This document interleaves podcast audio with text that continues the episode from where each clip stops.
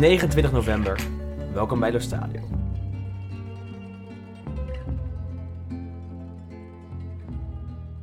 I'm improving my English and there are no problems for training. In press interview, I will be helped by a translator so that I am giving full respect to every question. Iets meer dan 57 jaar geleden, op 1 oktober 1961, wordt in San Vincenzo een jong mannetje geboren. Het mannetje moest en zou voetballer worden, middenvelder om precies te zijn, maar veel talent had hij niet. Op zijn 35ste besluit het mannetje dan maar om zich om te scholen tot voetbaltrainer. Maar dat brengt de nodige stress en paranoia met zich mee. Het is dan ook niet voor niets dat Walter Mazzari in Italië bekend staat als de eerste trainer ooit die zijn hand voor zijn mond hield wanneer hij een speler toesprak, uit angst dat de camera misschien mee zou kijken. Als je aan een willekeurig Italiaan vraagt om Mazzari na te doen, zal iedereen woedend op zijn linkerpols slaan, de plek waar de coach zijn befaamde horloge draagt. Een horloge dat blijkbaar altijd veel beter functioneert dan die van de scheidsrechter. Afgelopen week werd de stress Walter Mazzari echter te veel en moest hij zelfs verplicht worden opgenomen in het ziekenhuis. Zijn ploeg, zijn ploeg Torino wilde hem, een, wilde hem een hart onder de riem steken en niet nog meer stress bezorgen. En speelde daarom tegen Cagliari de meest inspiratieloze wedstrijd van 2018. Uitslag 0-0. Walter, beterschap. Volgens je horloge is het tijd om terug te keren. Yes, de Stadio van deze week nemen we op in een eh, volle studio. Sander Jongman is eh, weer te gast. Welkom eh, Sander. Dank je.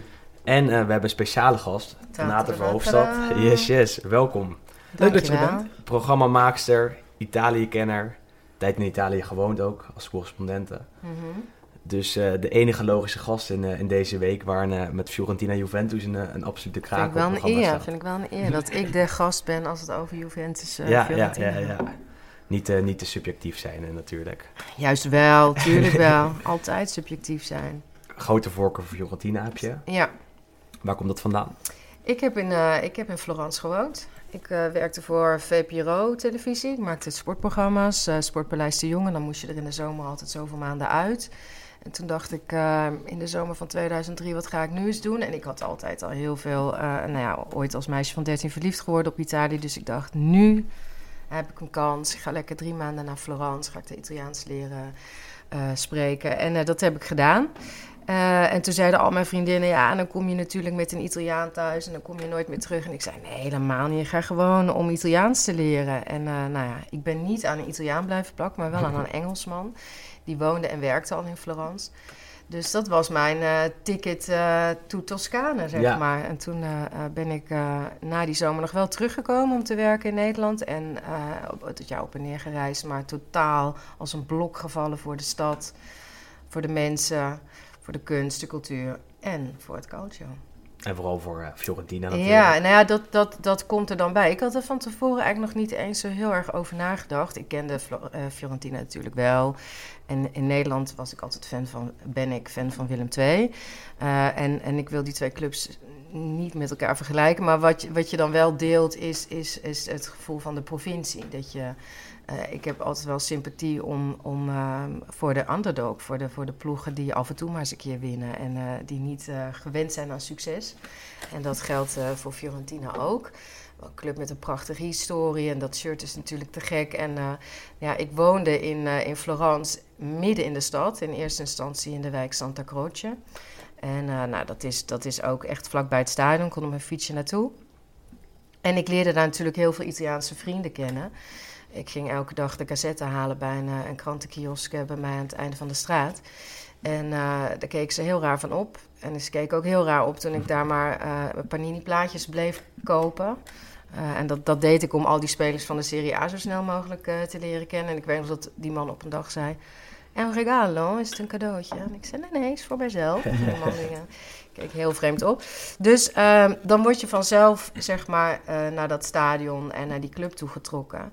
En wat Fiorentina heel erg bijzonder maakt, is dat het volgens mij van alle clubs in Italië ehm, het meest vervlochten is met de stad zelf.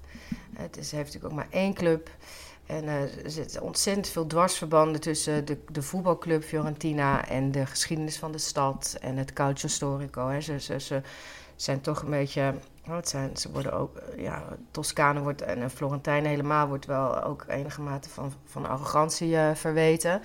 En, eh, en dat komt omdat zij vinden dat ze de stad zijn waar nou ja, de, de kunst herboren is. De eh, taal uiteindelijk ook Precies, het Toscaans is eigenlijk maar het enige echte Italiaans. Eh, ik, word, ik spreek trouwens Italiaans met een Toscaans Ja, ja, ja, accent, ja. dus dat is wel grappig. Zoals als ik Mr. in Milaan, Spalletti van Inter. ja, als ik in, eh, in, in Milaan ben of in Turijn, zoals ze laten zeggen, van, nou, che strano, che parla Toscano. Hoe kijken ze überhaupt in Florence zeg maar, naar jou en een Brit die dan opeens in Florence komt? Mm. Ja, nou ja, hartstikke leuk. Ik weet wel, mijn, mijn, mijn allerbeste vriend in, eh, in eh, Florence is eh, Andrea Magarini. Dat is de zoon van een oudspeler, Guido Magarini van Palermo en van AC Milan onder andere. En daar ben ik mee bevriend geraakt omdat ik ehm, later woonde ik in Santo Spirito. Dat is aan de andere kant van de rivier de Arno.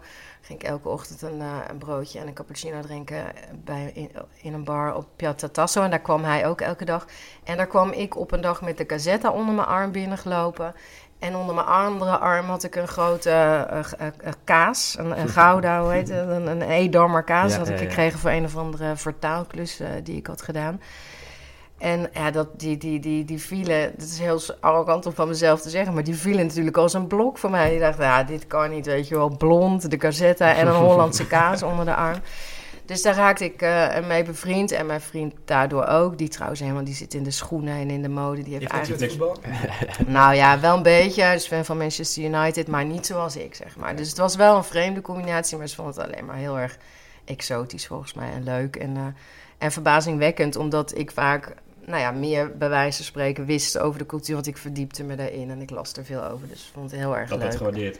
Zeker, ja. ja. Ik heb ook nooit, zo grappig dat mijn vriendje eh, zei dan, dan zei ik ja, ik wil eigenlijk wel een interview met Paolo Rossi. En dan zei hij ja, Paolo Rossi, ze zien jou aankomen, weet je wel, wie ben jij dan wel?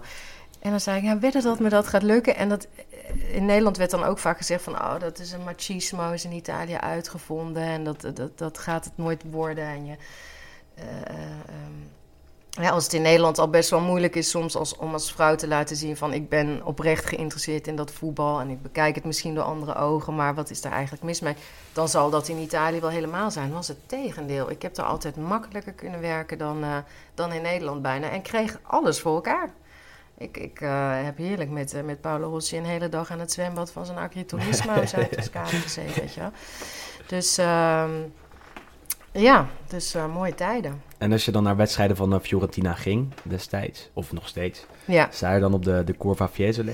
nou nee, ik heb wel, want een van mijn beste vrienden, dus uit datzelfde clubje, dat is wel een, dat was wel echt een capo ultra ook, dus die, die, die gaf het zingen aan op de Curva Fiesole. Dus daar heb ik wel twee keer op zo tussen staan, maar uit, uit een soort laksigheid ook wel. En eh, ja, was, vroeg ik dan toch wel meestal ook een perskaart aan Ja, om ja, lekker ja. Onder een afjakje te zitten. En, Verwarming. Verwarming, ja, de precies. Dus, eh, en dat is ook echt een topplek om te zitten. Want ik bedoel, ik weet niet of jullie allemaal eens een keer in het Artemio Franchi zijn geweest. Vaak zelfs, ja. Nou, het is wat mij betreft een, echt een, een van de topplekken van Italië. Maar vooral omdat je... je ziet aan de ene kant Fiesole liggen, een dorpje... Achter de, achter de harde kern achter inderdaad, de achter harde Curva. kern. En, eh, en eh, achter de marathontoren zie je gewoon de, ja, de, de, de, de glooiende heuvels van Toscane. En het ligt in een soort kel, dus als je aankomt lopen, dan, dan heb Ja. je niet het idee dat je, nou wel dat je een stadion ziet, maar het, het veld ligt lager dan de, dan de echte begane grond. Ja, Eh, ja. Vond ik erg, eh, erg bijzonder. Dat is bijna mijn grootste calcio-zonde dat ik nog nooit naar Fiorentina ben geweest. Ja, daar moet je heen. Vind ik de, de beste fans van, eh, Nou, als ik dit van Italië dan, dan misschien denk wel. ik, ik boek zo meteen... een- Misschien moeten we even een werkuitje gaan Ja. organiseren. Ja. Precies. Misschien moet er een podcast op locatie. Nou ja, waarom niet? Waarom niet? Nee, het is echt... Kevin eh, Dick speelt er, dus misschien wel een kleine ingang. Ah, en wat ik ook wel leuk vind, dat Renate nu hier aan tafel zit. Want ze vertelde van mij, toen ik als, als meisje van 13 eh, verliefd werd op, op Italië. Dat had ik ongeveer als jongetje van 13. En toen begon ik een beetje te lezen op haar blog. De, de, de. Oh, echt? Ja, dat waren hartstikke leuke verhalen altijd. Ik, eh, mooie, mooie columns over alles wat je daar meemaakt. En eh Hmm. achtergrondverhaal was superleuk om te lezen. Dus mensen die... eh, voor mij staat alles nog online. Dus. Ja, klopt. Ja, het, was, het is lastig als je dan teruggaat naar Nederland. Want ik spreek, ik spreek mijn vrienden natuurlijk nog heel veel en ik kom er nog veel en ik lees de Gazetta. Maar ik merk wel dat de manier waarop ik zeg maar naar voetbal kijk, dat is wel iets anders dan jullie. Ik ben gewoon niet zo geïnteresseerd in de statistieken. Ik kijk naar een wedstrijd en dan pik ik er mijn verhaal uit, zeg maar. Ehm, en dat gaat 9 van de 10. Ik, kijk natuurlijk naar het voetbal en ik geniet ervan. En ik heb mijn voorkeuren en, en ik zie wat er gebeurt. Maar ehm, eh, voor mij zit de echte charme, zeg maar, en de, en, de romantiek. En, eh, eh, zit toch in daar zijn. En, en, en ik had allemaal interisti als vrienden toen ik later in Luca woonde. Ja, en gewoon met die gasten een uur eh, lullen aan de bar eh, met de gazette erbij over Mourinho en de tripleten. En dat, dat, dat, dat is waardoor ik dat helemaal leefde en mezelf daarin onderdompelde. En dat is lastiger als je terug bent in Nederland. Omdat dat, datzelfde gevoel is hier gewoon niet. Dus voor mij om dat blog door te zetten terwijl ik zelf dan weer in Nederland ben, Ja. dat had, had, had gewoon geen zin. Nee, ik snap het wel. Want als je daar bent, dan voel je echt de spanning. Voel je de verhalen Ja. eromheen. En als je dan weer naar een wedstrijd gaat, dan, dan beleef je het zo anders. dan als je hier bijvoorbeeld naar Ajax of PSV of Feyenoord gaat, dan ga je echt alleen naar de wedstrijd. Ja. Als je daarvoor, stel, ja, ik ga dan in principe elk seizoen naar de derby eh, van, eh, van Milaan, tussen Milan en Inter. Hmm. En eh, in de aanloop naar die wedstrijd wordt al de hele week zoveel over Ja. geschreven, zoveel interviews. Eh, van de kappers tot aan de spelers, tot aan alles. Ja. eh, wordt het zo erg opgebouwd. En dat maakt het Italiaanse voetbal denk ik zo mooi. Nou, als je nu in Florence bent, weet je, dan, dan is het echt al een week, gaat het alleen maar over één ding, over die wedstrijd. Maar echt overal. Ik, ik, ik ging natuurlijk vaak uit eten eh, toen ik in Florence woonde. Dan had je op de Piazza del Carmine had je een van mijn favoriete trattorieën. En dan was een ober en die had dan zijn, zijn, zijn paarse eh, stropdas aan. En die had een, een paarse leesbril op. Weet je wel, het gaat, je voelt gewoon de opbouw van de spanning in zo'n stad. Eh, en en daar, daar ontkom je gewoon niet aan. En dat is ook heel erg leuk, vind ik. Om, om, dan, om echt aan één kant, daarom zei ik net ook gekscherend van... je moet vooral niet objectief zijn. ik vond het juist te gek om echt aan één kant te gaan staan... en om ook mee te schreeuwen, Gobby die merda. en, Maar die verhaal is volgens mij ook echt wat zich, wat Italiaans voetbal onderscheidt van andere, eh, of voetbal in andere landen. Kijk, in Nederland begint de wedstrijd vaak eh, twee uur voor de aftrap. ja. Maar in Italië, als je alles volgt met de kranten en noem alles maar op, dan begint vaak al een week van tevoren, soms twee weken van tevoren. En eigenlijk dus de hele, hele seizoen, de hele jaar is het gewoon door. Dat is wel echt iets wat Ja, en het is. zijn ook, eh, ze vergeten nooit iets. En, al- en al- als je dat al wel zou doen als fan, dan zorgen de kranten er wel voor dat je het niet kan vergeten. Want alles wordt altijd, dat vind ik ook zo te gek wat de cassette doet. Weet je, alles wordt er altijd weer bijgehaald van een jaar geleden, van twintig jaar geleden. Dus, dus, dus die, die riv- rivaliteit en die. die, die eh, eh, weet je wel, dat, dat je denkt van, eh, ja, dat die spanning die wordt zo opgebouwd ook door die kranten. eh, eh, De hele week. de Op de voorpagina's tot aan pagina 10 gaat het de hele week over zo'n wedstrijd. Ja, en alle historie wordt erbij gehaald. En dat, dat vind ik bijvoorbeeld heel erg jammer als je het Italiaanse voetbal volgt vanuit Nederland. Ik mis Sky Calcio Show ontzettend, weet je. Want ik, wil, ik heb dat soort programma's nodig om in die wedstrijden getrokken te worden. Hè, en om te begrijpen dat het... eh, Van mij persoonlijk interesseert het helemaal niet de, de bal op de paal. Maar wat mij meer interesseert is een overtreding of een duel eh, wat uit, eh, op het veld, weet je wel, op het scherpst van de snede. Als je weet dat het jaar daarvoor die twee het ook al aan de stok met elkaar hebben gehad. Meer Of de dat, verhalen inderdaad dan echt het... ja, of dat, dat, dat, of dat weet je, iemand een, een, een, eh, de, de, de, de zus van de, de, speler van de tegenpartij beledigd heeft, weet je wel. Dan snap je waarom de vlam in de pan slaat, of juist niet. Of waarom er gehuild wordt, of waarom er geapplaudisseerd wordt. En, eh, ja, dat, het Italiaanse voetbal onderscheidt zich wat mij betreft van andere competities... doordat het gewoon wat minder... eh, ehm, naïef is en minder vrolijk is. Weet je, het is gewoon echt een doodserieuze aangelegenheid. Terwijl ik het idee heb dat in, in Spanje en in Engeland, tuurlijk weet je wel, daar zijn de sporters ook fanatiek en wil ook iedereen dat hun club wint. Maar in Italië zijn ze, weet je wel, het woord kwestie van tifoso. leven of dood eigenlijk. Ja. Ja. Ja, maar het woord tifoso zegt het al. Weet je, het komt van het woord tyfus. Het betekent gewoon dat, dat, dat Ja. fans letterlijk ziek zijn Ja. van, van voetbal. Van de liefde voor de, voor de. Ja. eigenlijk. Nou ja, het is een soort eh, virus wat zich genesteld heeft in iemand en waar je dus nooit meer van afkomt. En ja, het staat eigenlijk voor al het, alles wat het leven in Italië mooi en lelijk maakt eigenlijk. Dat zie je in dat voetbal terug. Wat dat betreft zit er heel veel in eh, Fiorentina Juventus. Daar komen we zo meteen nog eventjes op terug. Ja, Eerst nog even nabeschouwen op eh, afgelopen weekend. Wallace in alto, alza il pallone, lo prende Zapata, c'è Correa in area di rigore, Correa calcia! Il Cucu Correa al 94esimo, pareggia per la Lazio, 1-1. Weinig echt mooie wedstrijden afgelopen Serie A speelronde, denk ik. De wedstrijd die opviel was eh Udinese-Roma. Eindigde in 1-0. Doelpunt eh, Rodrigo de Paul. Die eh, in de interesse, eh, de- van de interesse geniet van eh, heel veel topclubs. Hebben jullie die wedstrijd gezien? Het schokeffect, hè? Ja, Ja, het is ja, nieuwe ja, coach ja, ja, inderdaad. David en Nicole, we hebben hem natuurlijk ook al vorige keer eventjes genoemd. Eh, was toen de redder van, eh, van Crotone. En doet het nu in ieder geval goed gestart bij Udinese. En Roma verliest eh, opnieuw van een toch kleinere club. Verloor ook al van Spal natuurlijk een, eh, een paar weken geleden.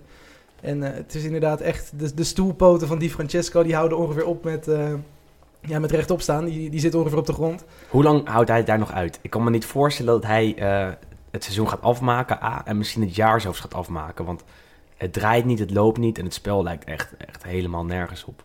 Ja, het grote voordeel is natuurlijk dat ze wel de Champions League... eh, ja, tenminste niet goed spelen, maar in ieder geval wel door zijn. Komt Ja. natuurlijk ook door de vrij eenvoudige pool met eh, Victoria Pilsen en eh CSKA Moskou. Maar ja, het is, is, als je daar door bent, maakt dat misschien wat goed. Het is natuurlijk vorig jaar was het ook niet fantastisch, maar toen wel de halve finale gehaald. Onder andere natuurlijk van de Champions League. Barcelona uitgeschakeld, ja, voor zo'n stad.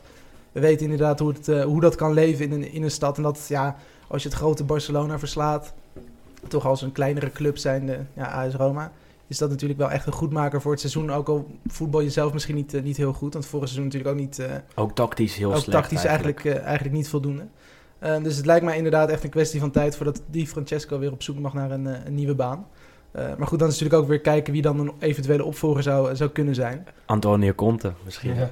Die eh, zat gisteren op de tribune bij, eh, of eergisteren was het al, bij eh, Re- Real Madrid, Roma Real Madrid. En eh, de Romanici twitterde er al allemaal eh erop los. En die zeiden, ja, doe er alles aan om Conte daar in het stadion te houden. Bied hem een eh, blanco check aan. Want hij kan de man zijn die Roma weer redt. Want het, lijkt gewoon helemaal nergens op. En wat ik wel mooi vond, we hebben natuurlijk heel vaak over de Pol gehad die nu ook weer een, een goal maakte.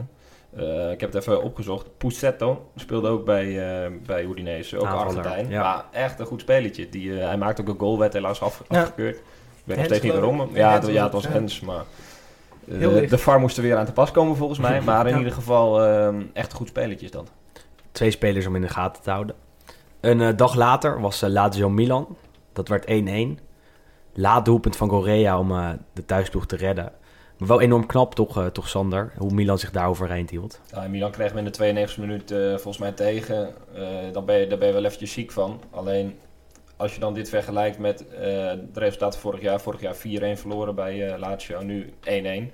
Eh, Met een B-team eigenlijk. echt een absoluut B-team, want er waren uh, waslijsten aan, aan blessures. Ehm, dus ja, puur naar het resultaat kijkend, los van wanneer die goal nou viel, is het eigenlijk best wel, best wel goed. Ehm, Milan speelde ook nou, boven verwachting eigenlijk. En uh, Frank Heijn had er een mooie column over geschreven over de status van Milan. Had het over Xenos uh, voetballers en, uh, en Euroshopper. Wel een beetje waar natuurlijk. Nee, er zit zeker een kern van waarheid in. Ik vond het ook echt een goede column. Alleen, Albato is centraal in de verdediging. Dat is wel pure, pure ja, dat, armoede, dat is pure armoede.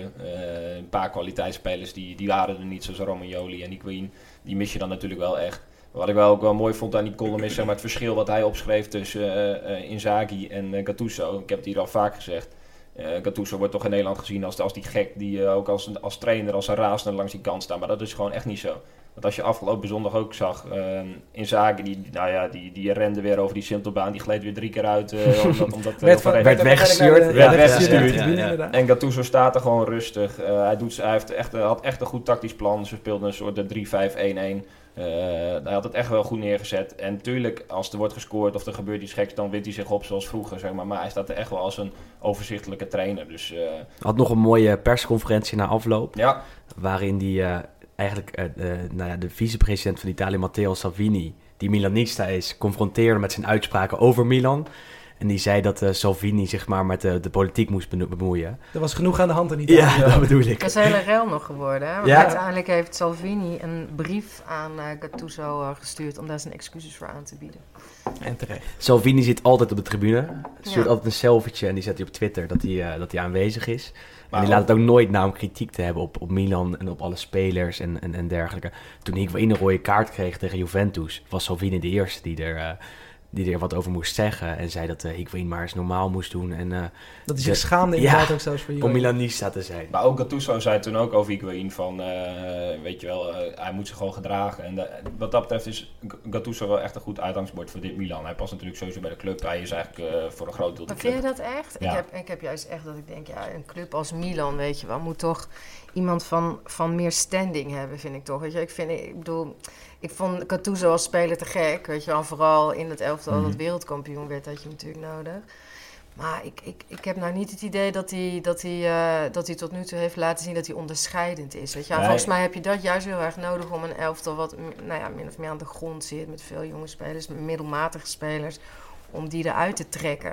Ik vraag me af of hij daar nou de aangewezen persoon voor is. Ik, ik zeg zeker niet dat hij een meestertacticus is of zo. Dat hij, dat hij eh, Milan veel beter laat spelen. Maar als je het vergelijkt met de trainers die zijn geweest. Hij heeft nog steeds dat status van oké, hij doet maar wat en hij staat een beetje te schreeuwen langs de lijn. En dat is ook echt niet waar. Want hij zet het wel dusdanig neer. Of het nou door zijn assistenten komt of door hemzelf.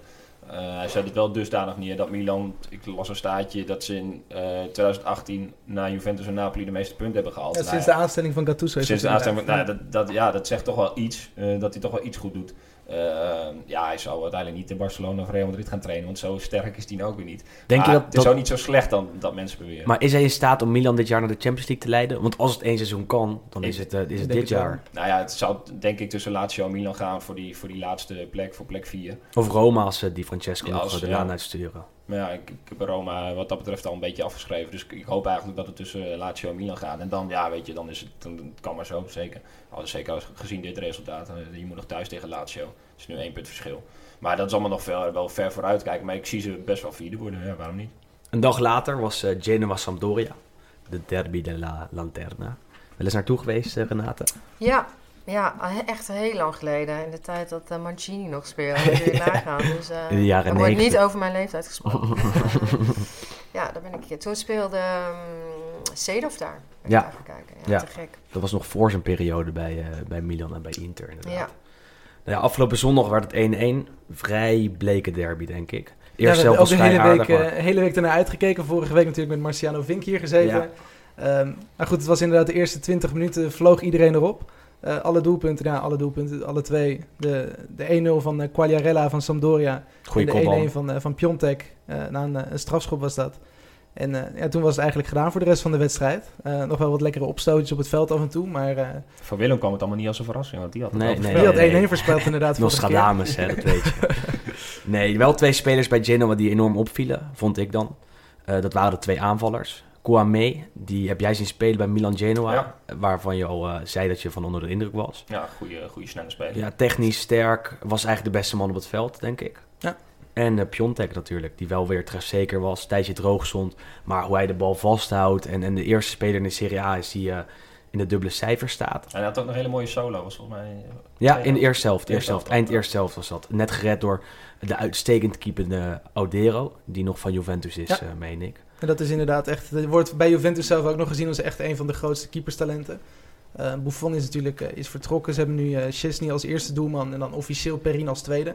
Terwijl Perin misschien eigenlijk eh, eh, in potentie al wel veel, ja, veel groter kan worden dan Chesney. Eh, maar die Audero die wordt inderdaad echt gezien als eh, een toekomstige eh, ja, ja, basisspeler Ja. eigenlijk bij Juventus. Was echt, echt heel erg goed. Een paar hele, hele stevige, hele goede reddingen gehad. Ja. Waardoor het uiteindelijk eh, 1-1 bleef. Derby onbeslist. Dus, nou ja. Schieten prima. beide ploegen ook niks meer op qua stand. Nee. Blijven inderdaad een beetje aan het einde van de competitie, competitie hangen. Nee, dat was hem. Dat was hem eh, voor afgelopen Het weekend. leven is niet makkelijk in Genua. Nee, Nee. op het moment zeker niet. Want nou is ook die, die eigenaar van Sampdoria, die is weer aan de problemen. Ja. Met allerlei financiële toestanden. Ferrero. Wat Ja. een, een enorme clown niet- is Verwacht je overigens. niet bij niet eh, als president. Maar die, die wordt ook tijdens de wedstrijd in beeld gebracht. En, en je vraagt je af wat Ferrero aan het doen is. Want dat is gewoon de eigenaar of de president. En die staat er met een, met een eh, Sampdoria-sjaal om zijn hoofd en, en dergelijke. Maar ja, dat maakt wat we al, al zeiden hiervoor. Maakt het Italiaanse voetbal ook weer, weer zo mooi. Zulke Zeker. kleurrijke personen.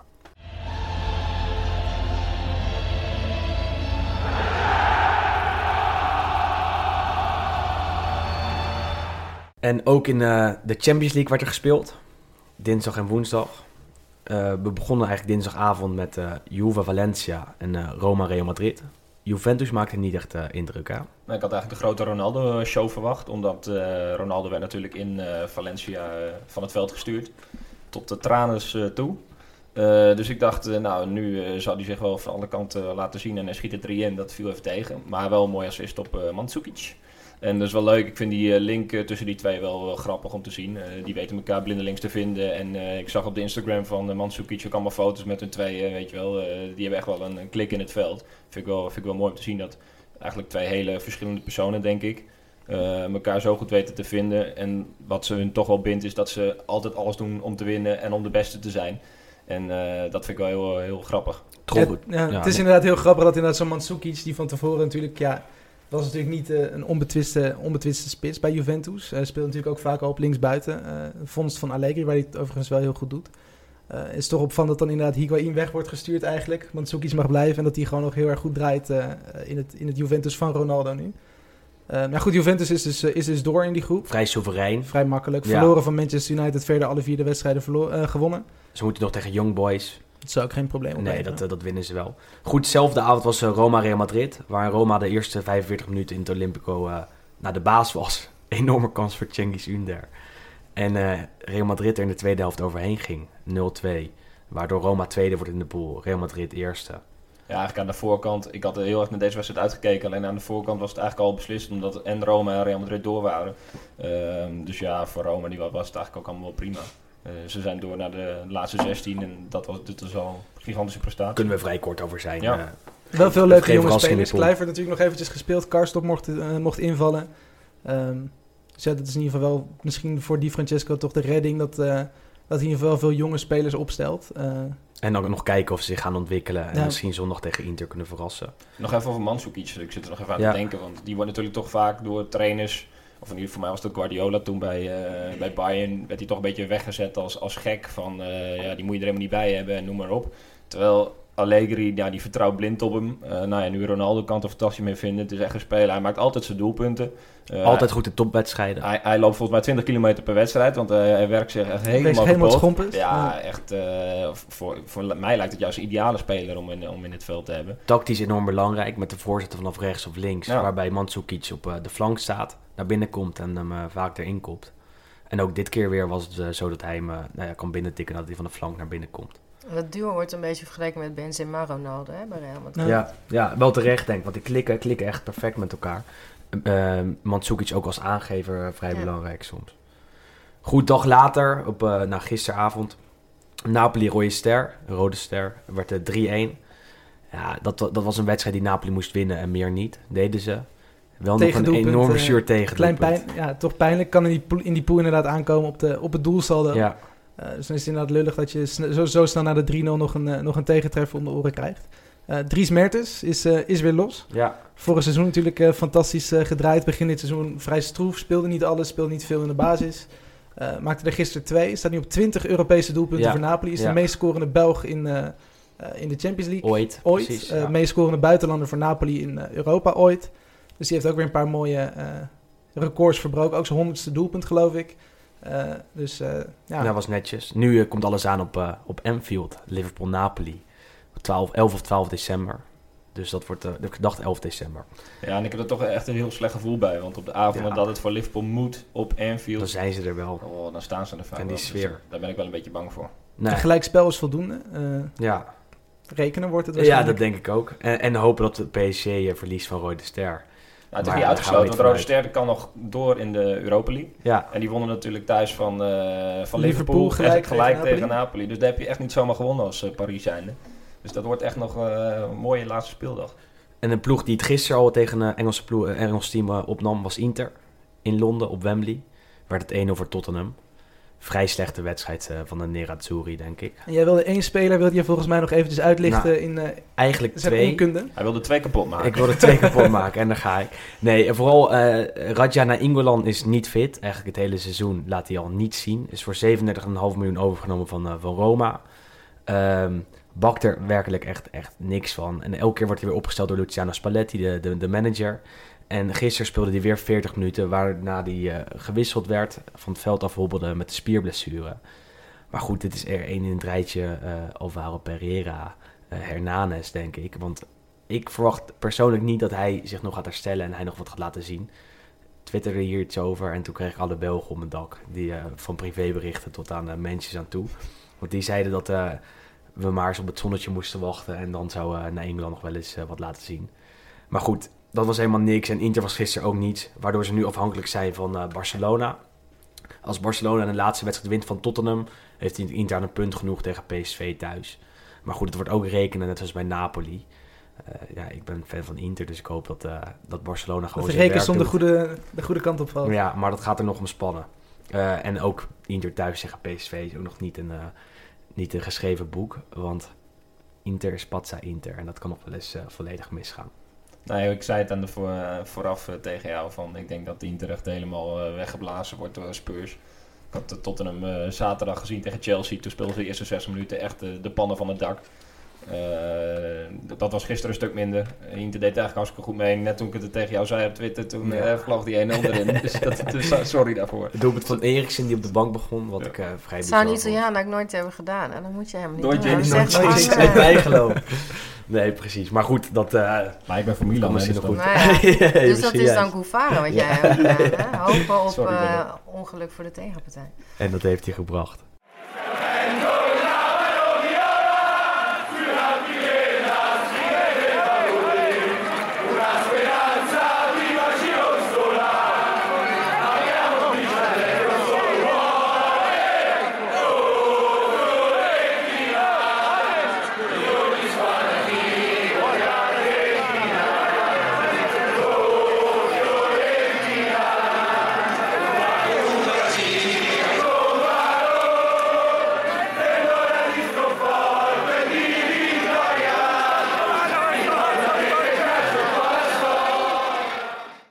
Aankomende zaterdagavond staat een eh, absolute kraker op het programma. Fiorentina-Juventus. Daar heb jij natuurlijk zin in, eh, Renate. Zeker, ja. Wat zijn je verwachtingen daar? Eh, verwachtingen zijn, zijn laag. maar dat maakt helemaal niet uit. Want het is zo'n wedstrijd op zichzelf. Weet je wel. Het doet er eigenlijk helemaal niet toe. Kijk, als je, als je op papier kijkt, dan is Juventus natuurlijk al, al, al zeven jaar lang. nou ja, weet je wel, de enige partij in, in, in Italië die er eigenlijk toe doet. En. eh, nou ja, bijna onverslaanbaar helemaal voor een, onder normale omstandigheden voor een club als Fiorentina. Maar het zijn geen normale omstandigheden. Nee. Het is, eh, het is La Partitona, weet je wel. Het is de enige wedstrijd die ertoe doet voor, eh, voor Fiorentina. En waarom Eh, is dat? Waar komt, die- waar komt die rivaliteit eh, vandaan? Nou, die rivaliteit is ooit al ontstaan omdat tijdens de allereerste wedstrijd dat die, dat die twee ploegen tegen elkaar gespeeld hebben, 1928 was het Mhm. geloof ik, heeft Juve, had, had, eh, Fiorentina had een flutteam en die verloren met 11-0. en daar herinnert Juventus Fiorentina goed begin van de- Geen goed begin. Daar begon het allemaal mee, de ellende. En ehm, eh, daarna is het vooral eh, misgegaan begin jaren 80. Eh, eh, eh, Fiorentina had eigenlijk een geweldig elftal waarin Giancarlo Antonioni echt een grote ster was. En op de laatste, Fiorentina moest eigenlijk hun derde Scudetto winnen in Ja. 1982. eh eh, waren echt het beste elftal van de, van de Serie A. En ehm, op de laatste speeldag moest bij gelijke stand, dus Juventus was tweede in de, in de rangschikking, moest Fiorentina volgens mij tegen Cagliari uitspelen Ja. en Juventus tegen Catanzaro. Ja, ja, ja. ja. En nou, kijk, wat, wat, he- het gevoel dat in Italië onder supporters van alle andere clubs dan die van Juventus natuurlijk leeft, is dat het eh, de ladri zijn. Dat ze gewoon. eh, eh, De Gobi. het zijn de, de, de gebochelden uit, Ja. uit, uit Turijn, maar ze worden vooral gehaat omdat ze zo machtig zijn. En omdat het gevoel heel erg leeft dat ze ondanks het geld en, en, en de machtige club die ze zijn, ook nog eens eh, heel vaak geholpen zijn. Eh, door eh, scheidsrechtelijke dwalingen en op allerlei andere, eh, andere manieren in het zadel zijn geholpen. Ja. En nou, ja, dat was, dat was in 1982 was daar een goed voorbeeld van. In ieder geval vanuit Florentijnse ogen gezien. Want wat gebeurde daar? Ehm, een zuiver doelpunt van Graziani volgens mij werd afgekeurd voor Fiorentina. Eh, terwijl op het andere veld bij Juventus een, eh, een strafschop werd gegeven die niet terecht was. En volgens mij ook nog een strafschop niet gegeven aan Catanzaro of Ja, zo. klopt. Dus nou ja, het einde van het liedje was dat, eh, dat Fiorentina niet het Scudetto won en Juventus wel. Dus dat was echt eh, ja, zwaar te verteren. Ja. Dat eigenlijk niet te verteren. voor Dat is misschien ook een beetje het begin van die, eh, van die beroemde quotes in, eh, in Florence hanteren. Meglio secondi che ladri. Ja, Liever tweede dan, dan... dan of een gestolen overwinning. Ja. En dat is trouwens, eh, eh, eh, ik was een paar weken geleden in Turijn en was nog heel even op Superga, waar het elftal van Grande Torino ooit om het leven is Ja. gekomen. En daar hing ook een spandoek en daar stond dan weer op meglio morto che ladri. Dus je kunt, beter, liever, je kunt nog beter dood zijn Ja. dan dat je als dief door het leven moet gaan. Ehm, Dus ja, dat, dat, eh, dat is een sentiment wat wel op meerdere plekken in Italië leeft, maar in, in eh, Florence wel heel erg. En dat is natuurlijk nog eens versterkt doordat daarna er nog allerlei andere episodes zijn geweest, eh, waar, waardoor dat nog eens extra aangewakkerd Met de werd. transfer van Roberto Baggio bijvoorbeeld Ja. in 1991. Precies, De Dat UEFA is- Cup finale nog De daarvoor. UEFA Cup finale daarvoor dat was de, de, de aanleiding natuurlijk. ja. Ehm, en, Ook daar ontstond het gevoel van wij moeten op een hè, eh, eh, finale van de UEFA Cup eh, over twee wedstrijden. Fiorentina, het stadion werd volgens mij verbouwd voor het WK 1990. Waardoor zij in een ander stadion moesten spelen. Dat was dat, Avellino of ook Catanzaro of zo. Mhm. Ik weet niet, in ieder geval een plek Ja. in Zuid. Kijk, Juventus is de club in Italië dat ook de meeste fans buiten de eigen stad heeft. door dus heel het land eigenlijk. hè. Ja, en vooral in het zuiden, omdat natuurlijk heel veel Italianen uit Zuid-Italië ooit naar eh Turijn zijn getrokken om te gaan werken als, als Fiat, eh, eh, in- meestal, hè? Precies. Dus ze hebben ontzettend veel aanhang in, in het zuiden van Italië. Dus Fiorentina speelde eigenlijk een soort uitwedstrijd. Eh, dus, dat, dus dat was ook niet fijn. Daar werden we, zijn we ook allemaal nog steeds heel erg boos over.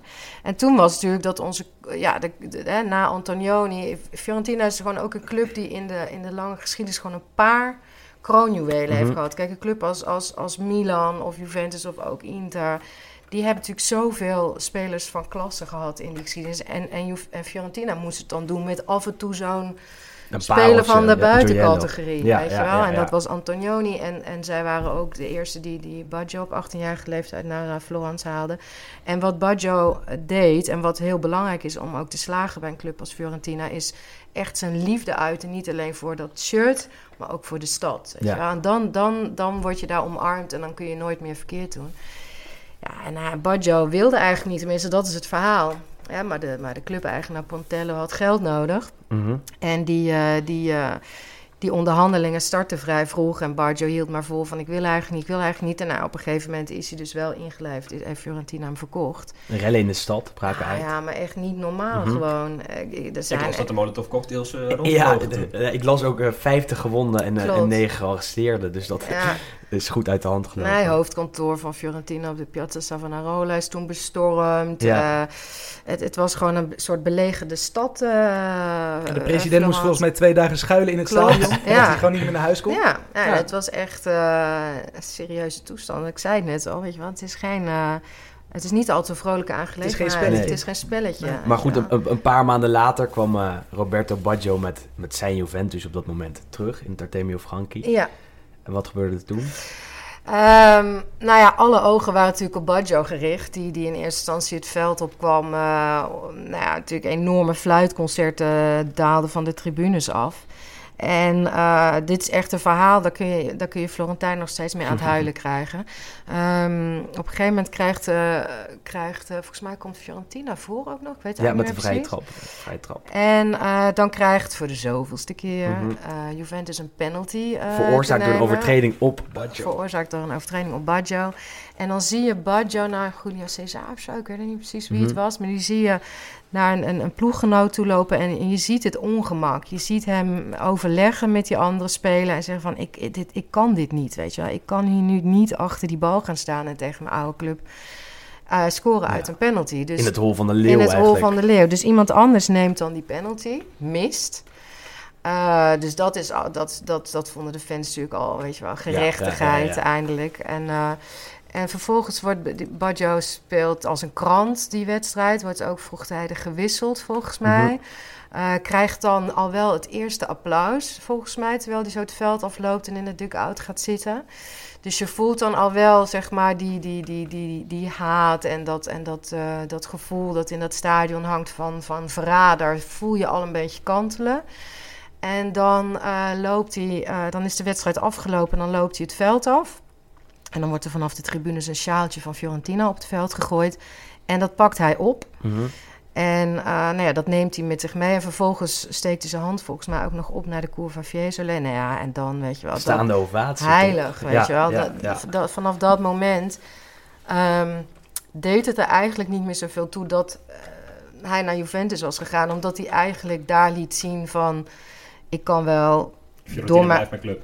ja, dit weet je wel, mijn hart eh, ligt hier op deze, in dit stadion. En, eh, en dat is eigenlijk nog steeds zo. Ik was erbij toen, toen er een benefiet werd georganiseerd voor eh, Borgo Novo. Die, Mhm. die, eh, In een rolstoel. die zit, in eh, een rolstoel aan ALS eh ja, leed. ja, ja, ja. En toen was Baggio er ook. En ja, die ontvangst, weet je wel. Hij, hij is gewoon voor de fans in, in Florence is hij...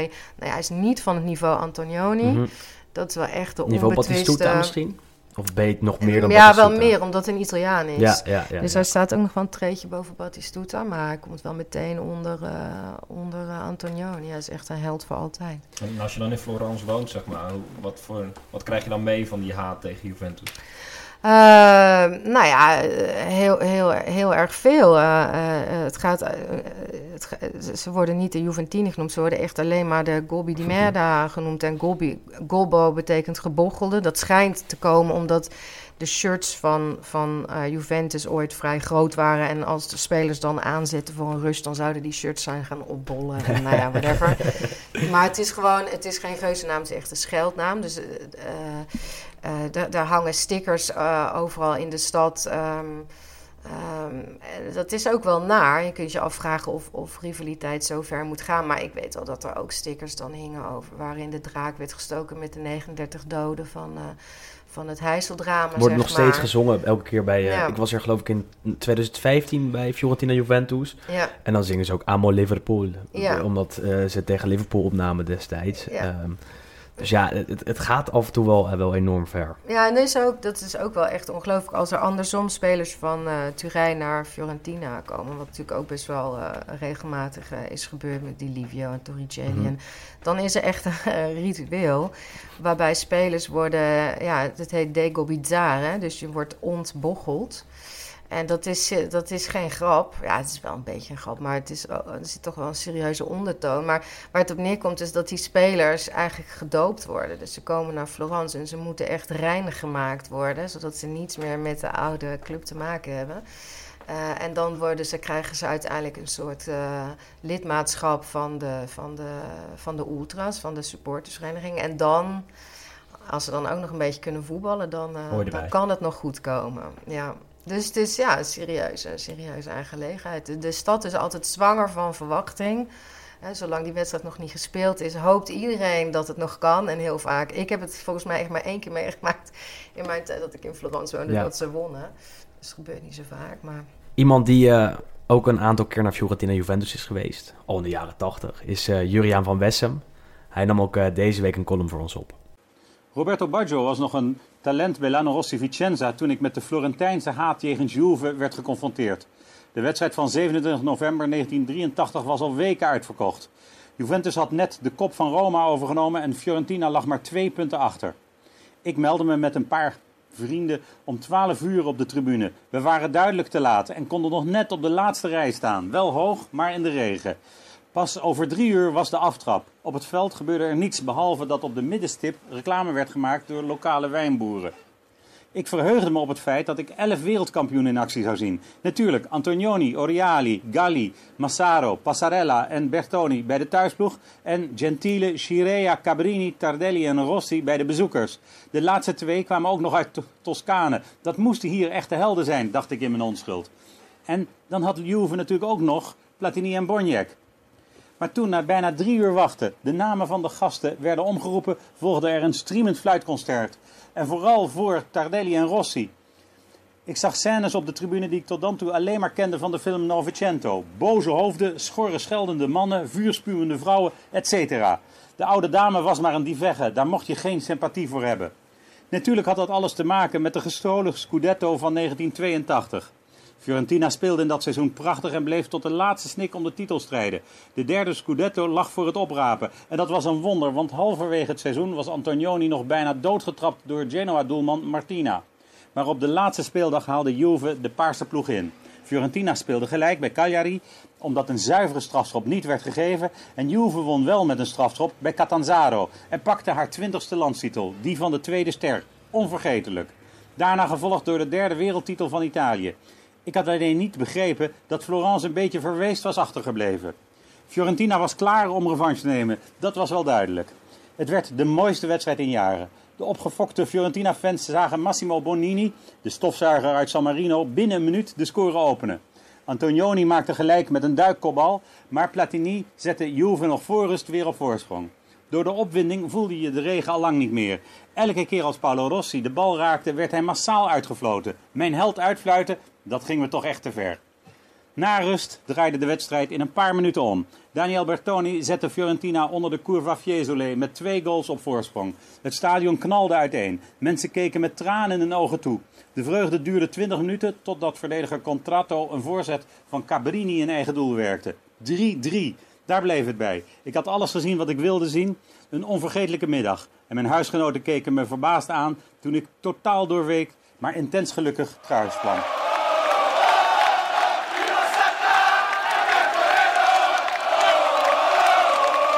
Ja, mooie column weer van, eh, van Juriaan. Die ook alles weet over, het, over nou, de belevenis van deze wedstrijd, denk ik. Ben jij nog, hoe vaak ben je ongeveer naar deze wedstrijd geweest? In die tijd dat je daar woonde? Eh, ik, heb, ik heb echt geen Nee, idee. maar ik ja. maar misschien een stuk of drie, vier keer of zo. Ja. Zoiets. Het blijft wel, wel altijd wat speciaals, hè, denk ik. Dat het nog steeds, ook al is het eh 20 jaar, 30 jaar bijna na de transfer van Baggio, nog langer na die rivaliteit in de jaren 80, waar het echt ontstond en daarvoor nog, blijft nog steeds zo erg gespannen in die stad en in de week in, aanloop naar de wedstrijd, dat het nog wel echt nergens anders over gaat. Ja, het is gewoon de, de, de. Kijk, als je voetbal kijkt in een, in een Italiaans stadion, dan. dan, eh, dan ehm, ja, dat wordt sowieso op een andere manier gevierd, zeg maar, dan dat in Nederland het geval is. Maar ja, zoveel geluk of zoveel woede of zoveel verdriet om je heen, dat zie je gewoon nergens anders dan op zo'n plek op dat moment.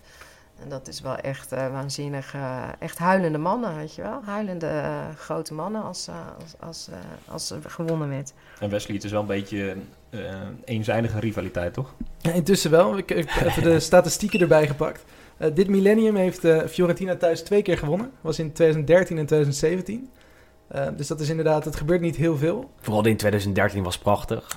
was het toen. Ja, dus kwam Juventus met 0-2 voor. Doelpunten van eh, Pogba en Tevez. En die juichten allebei op een manier waarop ze het publiek enorm provoceerden. Namelijk op de Batistuta manier. Waarop je een soort eh, geweer maakt en naar het, naar het publiek wijst. Nou ja, dat werkte tegen ze. Want Fiorentina kwam er in de tweede helft echt gigantisch overheen. Werd 4-2. En dat is denk ik een van de mooiere eh, laatste edities van die wedstrijd. Hattrick van Rossi. Ja, een van de mooiste wedstrijden, denk ik, die ik in de Serie A heb gezien de afgelopen, afgelopen jaren. Zoveel passie, zoveel sfeer. En dan zo'n prachtige omkeer in het eigen stadion is echt... Er zijn weinig dingen mooier dan, eh, dan dat. En dan ook nog eh, Giuseppe Rossi drie keer zien scoren. Ja. Die volgens mij heeft daarna nog eh, vier keer zijn kruisband gescoord. Ja. Dat is wel heel triest. eh triest. Die was bij, bij eh, Fiorentina echt, echt een tijdje goed. Eh, dat elftal had ook nog Quadrado, die later natuurlijk naar, naar Juventus ging. Nu nog, eh, nog steeds daar speelt.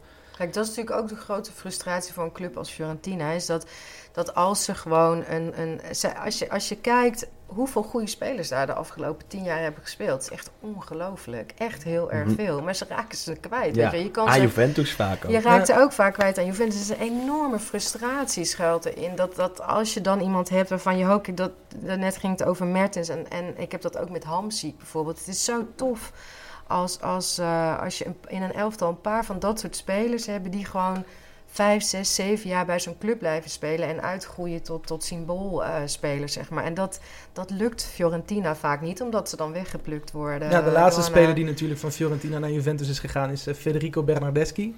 Ja, Een paar jaar terug. Vorig jaar toen eh, in de Uit ontmoeting werd het 0-2. Doelpunt van Bernardeschi werd hem ook niet echt in dank afgenomen. nee, nee. Vrije trap, hele mooie vrije ja. trap. En nu tegenwoordig heb je eh, ook een van de betere spelers, inderdaad ook een jeugdspeler van Fiorentina, Federico Chiesa. Ja. En die wordt eh, helaas ook alweer gelinkt aan, aan Juventus. Ja. Hoe groot is de angst daar dat hij ook die stap gaat maken naar de Ja, heel groot. Terwijl, dat, wat ik al zei, dat is de tragiek van Fiorentina. Kijk, zij weten natuurlijk dat ze niet de financiële eh, eh, middelen hebben om, om, om eh, het gevecht met clubs als Inter, Milan eh, en Juventus aan te gaan. Dus, dus weten ze ook dat ze slim moeten zijn. Corvino, de, de technisch directeur, is natuurlijk wel echt een meester. Als je ziet ook wat die eh, in, in het verleden allemaal gescout heeft en daar... eh, eh, met een goed oog zeg maar, voor talent spelers naar, naar Fiorentina heeft gehaald. Dus zij weten dat ze met jeugdspelers de- het, hè, het moeten halen, moeten zien te halen. Ja, en als je dan twee kroonjuwelen hebt, zoals Bernardeschi en een, eh, en een Chiesa, dan dat zouden de spelers moeten zijn die je over een periode van vier, vijf jaar, als je die kunt houden, kan dat voor een club als Fiorentina, kan dat betekenen dat je aansluiting hebt. Dat je op, op zijn minst mee kan doen om de plaatsen vier tot en met zes. Weet je wel. En als dan een, een Bernardeschi vertrekt, die twee jongens hadden eigenlijk moeten blijven. Weet je wel. En, en Chiesa, daar hopen ze heel erg dat hij dat wel doet. Maar ja, als de rest van het elftal dan niet op het niveau is, dan snap ik ook wel dat zo'n zo'n Chiesa denkt van ja, ik ga liever ergens anders eh, spelen. Nou, het Europees voetbal natuurlijk in Florence is ook alweer een hele tijd terug. geleden. Ik kan me nog inderdaad een, een, een wedstrijd herinneren tegen Ajax. ja, In Heb het Artemio wel- Frankie heb ik nog, eh, Kennedy. Heb ik nog Kennedy, als, eh, ja, Ja. Heb ik was- nog als vertaalster, was echt te gek. Mocht ik gewoon eh, bij het, eh, tussen de besturen van Ajax en, eh, en Fiorentina aanschrijven. Had Fiorentina een hele mooie zilveren schaal laten maken. Van een heel, heel echt een prachtig cadeau. Kwam Ajax echt een beetje met een karig cadeautje aanzetten, weet ik nog. Dat ik dacht van, eh, het is echt het verschil tussen Nederland en, eh en Italië. Italië is weer lekker duidelijk. Ja. Marco van Basten als trainer van Ajax natuurlijk. Terugkeer in, Ja. in Italië. Ja. Maar Wesley, jij, jij bent natuurlijk voor Juventus. In, in, Turijn lachen ze toch eigenlijk om deze rivaliteit. Ja, goed, het is inderdaad... Ja, niet, het wordt heel anders beleefd dan natuurlijk andersom. Eh, ja, dat is logisch. Ja, Florence is natuurlijk inderdaad gewoon ook de kleinere ploeg, historisch gezien. Ehm, en goed, het is daar echt de wedstrijd van het jaar. Terwijl Juventus eigenlijk bijna tegen iedere ploeg in Italië wel eh, ja, die tegenstand krijgt. Want goed, als Juventus op bezoek komt, is vaak gewoon echt de grootste wedstrijd van het seizoen. Ehm, dus iedere ploeg die geeft altijd 120, 130 procent tegen, tegen Juventus. Juventus speelt nu drie keer achter elkaar tegen een rivaal. Eh, Ja. Morgen tegen, do- zaterdag tegen Fiorentina, daarna tegen Inter en daarna tegen Torino. Het zijn wel lastige weken voor, eh, voor Juventus, denk ik, waarop ze elke keer totale weerstand krijgen, denk ik. Ja, nee, maar dat is inderdaad ook goed. Want als je ziet ook hoe het seizoen begonnen is. 13 wedstrijden gespeeld, 12 gewonnen, 1 gelijk spel. Nog nooit zo goed begonnen. Inmiddels 8 punten voorsprong op de nummer 2. dat gat is ook nog nooit zo vroeg zo groot geweest. Eh, dus dat is inderdaad wel lekker. Ook misschien juist voor Juventus dat het ook misschien wat stroever zal gaan. Ehm, en dat ze inderdaad lekker tegenstand krijgen. En eh, misschien is het nat- natuurlijk ook goed voor de competitie als eh, Juventus eindelijk punten gaat verspelen. Ehm, maar goed, ja, tegen Fiorentina, zoals je zei, wordt het, eh, zal het lastig, of tenminste zal het moeilijk worden om, om niet te winnen haast. Goed, het is inderdaad, Fiorentina wint zelden van, van Juventus. Ook in matige vorm. Al zes Ja, keer op rij in de Serie A niet gewonnen. Vijf gelijke spelen. Waarbij trainer Stefano Pioli zei... Nou, ja, weet je wat? Ik ben helemaal niet zo ontevreden. Vijf keer een gelijk spel. We hebben in ieder geval niet verloren. Maar dat is toch niet echt ambitieus, eh, denk ik. Dat is wel de Italiaanse manier van denken. Ja, ja, maar goed. Het leuke is, de laatste keer dat eh, Fiorentina vijf keer op rij gelijk speelde, was in negen, ne- tussen december 89 en januari 1990. En onder andere een van de spelers die toen speelde bij Fiorentina was Pioli. Ja, Ehm, dus die heeft dat toen zelf ook meegemaakt. Hetzelfde elftal als eh, Dunga again. en Baggio. Eh, dus dat, eh, die speelde toen zes keer op rij gelijk. Dus dat record kan er ook aangaan. een paar interessante spelers bij Fiorentina zijn denk ik Nikola Milenkovic. Centrale verdediger die een enorm sterk seizoen heeft. Staat ook in de belangstelling van Juventus. En Paratici, een van de hoge pieven van Juventus, die heeft aangegeven dat hij juist ook dit duel gaat gebruiken om hem een keer van dichtbij te zien. Ehm, die zit inderdaad heel hoog op het lijstje. Maar Dus die ook- wordt met eieren bekogeld. Ja. Ook weer de psychologische druk die erop op, wordt opgevoerd hè, door die eh, directie van Juventus. Zo Milenkovic zal vast weer iets meer druk voelen, aangezien hij misschien wel die stap kan maken. En, en ja, ja, het is altijd een beetje zo, toch? Dat als er eh, een, belangrijke wedstrijd aankomt, dat Juve of Inter of Milan aangeeft, nou, die speler van de tegenstander, die, eh, ja, dat is wel een inter- interessante interessant. voetballer, precies. We hadden het net natuurlijk ook over Bernardeschi met eh, die editie van Fiorentina Juventus toen hij eh, scoorde. Dat was ook nog de wedstrijd dat Astori op het veld stond. Ja. Ja. Die natuurlijk ehm, overleed. Ehm, en daarom ben ik wel heel benieuwd hoe dat eh, zaterdag qua rivaliteit is. Natuurlijk, het zal nog steeds leven. Alleen ehm, na het overlijden van Astori was natuurlijk een dag, eh, of die, op die maandag, was, eh, was de begrafenis. ja. En daar kwam, eh, kwam Juventus met de hele selectie in ongeveer een halve dag na een, eh, een Champions League eh, wedstrijd. In Engeland hadden ze gespeeld. Ja, hadden een privévliegtuig gepakt om naar eh, Firenze te vliegen. Ja, Ja. daar werden ze ook ontvangen door, eh door Bernardeschi eigenlijk. Dus die is een nieuwe ploeggenote, eh, ging die voor toen in de kerk van Santa Croce. Dus dat werd trouwens, dat gebaar werd wel heel erg gewaardeerd. Dus volgens mij een van de weinige momenten dat die rivaliteit, dat de dood zeg maar even echt belangrijker Ja. was dan de rivaliteit eh, tussen die twee Applaus clubs. voor de Juventus-spelers Ja. toen ze aankwamen Ja. daar op het, eh, op het plein. Ja, dat Zo was- hoort het ook Ja, natuurlijk. dat was prachtig gebaar. Chiellini, Buffons waren er allemaal. Eh, nog een paar uur na eh, inderdaad die wedstrijd tegen Spurs. Moet op woensdag of donderdag zijn geweest. Ja, maar goed. Juve, het, Fiorentina-Juve staat zaterdagavond om eh 6 uur op het programma. Wat zijn jullie voorspellingen? Hij gaat natuurlijk winnen. Tuurlijk. En weet je wat, eh, wat, wat jij net ook al zei? Kijk, tuurlijk, eh, eh, ze hebben dan twee keer in de afgelopen tien jaar gewonnen. Maar dat is nou de lol. Ik weet niet van welke clubs jullie uiteindelijk ook supporter zijn in Nederland. Maar dat is nou de lol als je fan bent van een club die wat kleiner is dan de topclubs. Als je dan twee keer in tien jaar wint en dat zijn geweldige partijen Dat zijn juist ook de met mooiste een verhaal, herinneringen. Ja. dat maakt niet uit, want daar hebben we het dan vijf jaar later nog over. Weet je wel. Wij, wij hoeven dan ook niet elk jaar van, eh, van eh, Juventus te winnen. Het liefst wel. Maar eh, eens in de er zoveel jaar een moet keer gebeurt. je dan- bent gewoon Ja. sneller, je bent gewoon Ja. sneller gelukkig. Wat denk jij, Sander? Ja, het is natuurlijk heel makkelijk om te zeggen dat Juventus wint. Dat denk ik ook. Want ja, Juventus is gewoon zoveel beter dan de rest. Eh, maar wat, wat Renato ook zegt, dus hopen op die ene, op die ene, ene dag dat alles klopt. Dat Simeone weer gaat scoren. Ja, dat die zou- ene dag. Dat zou wel fantastisch zijn. En ehm, ja, in principe iedereen die hier aan tafel zit, behalve Wesley, die verliest elke week. Dus en jij? Nee, ik, jij, ik, ga nu, ik, ik hoop wel dat Fiorentina ook, eh, ook iets kan doen. Dus ik ga voor een 1-1. En dan wil ik ook wel dat de Marco Piazza, die natuurlijk van Juventus naar Fiorentina is, eh, is gegaan, dat hij dan in ieder geval een doelpunt van Fiorentina maakt. Eh, dat inderdaad eh, toch een klein beetje van die rivaliteit eh, erin blijft. Ik ga voor een dikke overwinning voor Juventus. Sorry, Renate. Hoe dik? 0-4. Belachelijk. Het spijt me. Allora, Livorno-Crotone 10, Bari-Modena 11. Tesoro, è 1-0, 1-1. 1-0. Scusi. Livorno-Crotone 1-0, Bari-Modena 1-1. Naast eh, Fiorentina en Juventus staan er nog een paar mooie wedstrijden op het programma eh, aankomend weekend. Eentje die opvalt is denk ik AS Roma Inter van zondagavond om half negen. Twee wedstrijden, twee, twee teams met enorm veel geblesseerden. Wat is jullie eh, verwachting daar? Ja, was gisteren inderdaad na de, na de wedstrijd, of eergisteren na de wedstrijd, die Francesco, die speelde inderdaad, zoals we al eh, eerder zeiden, met heel veel jonkies. Eh, Pellegrini onder andere geblesseerd, Zeko kan waarschijnlijk niet spelen. Ehm, El Sharawi moest vroeg gewisseld worden, dus dat zijn inderdaad ja, twijfelgevallen of, eh, of mannen die sowieso afwezig zijn. Eh, bij Inter geldt hetzelfde, Nainggolan natuurlijk eh, vroeg gewisseld weer. Ook, eh, ook- vrij veel uit met een blessure. ja, inderdaad, ook, eh, ook veel blessures. Dus het wordt inderdaad waarschijnlijk een duel zonder echt de, de volledige eerste selecties. Eh, maar goed, dat is inderdaad misschien juist wel een mooi moment ook voor de jonge jongens eh, om op te staan. Eh, ik denk wel een basisplaats voor Kluivert, nu zeker als El Sharawi eh, waarschijnlijk in ieder geval niet start. Eh, En mogelijk voor Karsdorp dat Florenzi doorstuit naar voren. Maar dat is nog even afwachten. voor de toekomst van eh, Di Francesco is het een hele belangrijke. Zeker. Het schijnt dat als ze verliezen van Inter, dat hij de laan uitvliegt. Maar dat is al vaker geschreven door de Italiaanse pers. Eh, maar het is zeker dat er hier enorm veel druk op staat voor Roma. Voor Inter wat minder, want die draaien goed in de Serie A. Hebben al eh, veel punten voorsprong, zes punten voorsprong op eh, de plek vijf. Dus de laatste keer ja, van Inter in Olympico was tegen Lazio. Toen was ik ook Vrij makkelijk. Was ook al maandagavond. 0-3. Ja. Ja. Ehm, dus ik verwacht eigenlijk dat Inter daar gaat winnen. Roma zich eindelijk van de trainer ontdoet. Want het wordt wel tijd dat daar iets gaat gebeuren. Een dag later staat Atalanta-Napoli op het programma. Maandagavond om, om half negen. Dat is ook wel een hele, hele interessant om te volgen, denk ik. Ja, als je op maandagavond niks te doen hebt, dan heb je Zeker Atalanta weten. Napoli heb je een topper aan. Ja, ja. Een batterij aan hele mooie spelers bij Atalanta, denk ik. Niet alleen de Nederlanders, Hatenboer en Droon. Maar ook een, een ja, Ilicic is dan geschorst, jammer genoeg. Maar een Gomez en een Duvan Zapata... die zouden het Napoli wel eens eh, heel erg lastig kunnen maken, toch Wes? ja, ik denk het wel. Ja, Napoli heeft natuurlijk afgelopen week eh, gelijk gespeeld. Atalanta vorige keer verloren. Dat was wel een Eh, verrassende nederlaag. Ja, nee, dat, dat sowieso. 0-2 Atalanta, voor, ja. Ja, nee, Atalanta eigenlijk de eerste wedstrijd van het seizoen volgens mij makkelijk gewonnen. 4-0 van Frosinone, geloof ik.